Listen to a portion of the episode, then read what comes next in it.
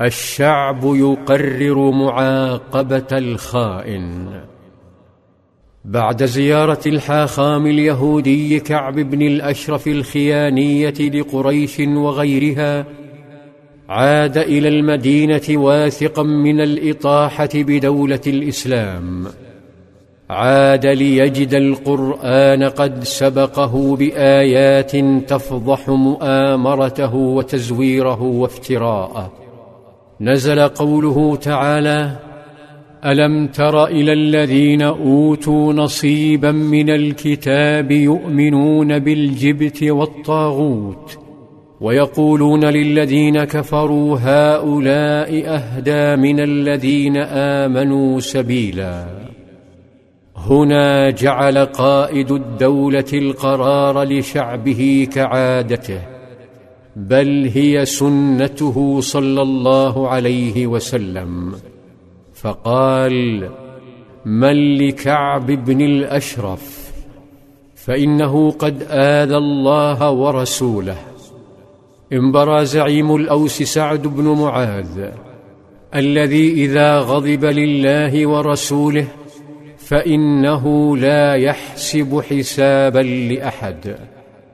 فهو من هدد أبا جهل في مكة في عقر داره وبين جبابرتها فكيف بخراف يهود؟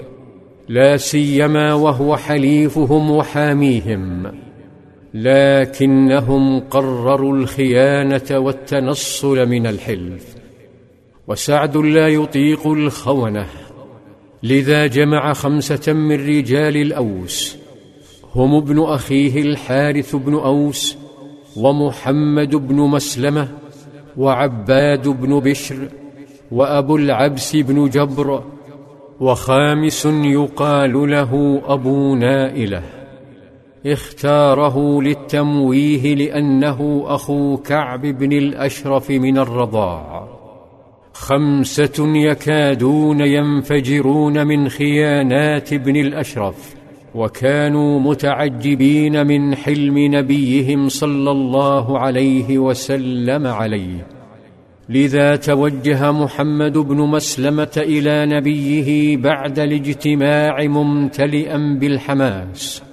فكانت أول كلماته يا رسول الله أتحب أن أقتله؟ قال نعم.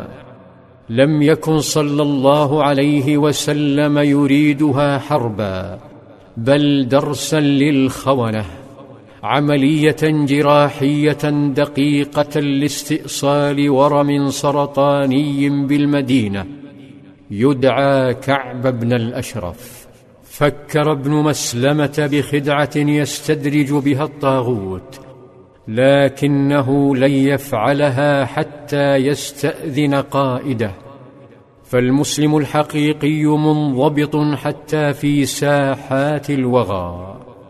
استأذن نبيه صلى الله عليه وسلم في أن يظهر لكعب أنه معاد للإسلام حتى يثق به. فقال فأذن لي يا رسول الله أن أقول شيئا. فقال صلى الله عليه وسلم قل. سار الشجعان وسار معهم قائدهم حتى وصلوا مكانا يقال له بقيع الغرقد. هناك وجههم وودعهم صلى الله عليه وسلم فقال انطلقوا على اسم الله. اللهم أعنهم. كانت الشمس على وشك الغروب حين ساروا ولما غربت أدوا الصلاة فلما حل الظلام كانوا على مقربة من منطقة العوالي حيث حصن بني النضير ها هو مجلسهم يغص بمؤامراتهم وحاخاماتهم. شعر اليهود بحركة ورأوا أطياف الرجال فاضطربوا. والتفت كعب بن الأشرف وقد أصابه ذعر شديد فصاح بهم ما جاء بكم؟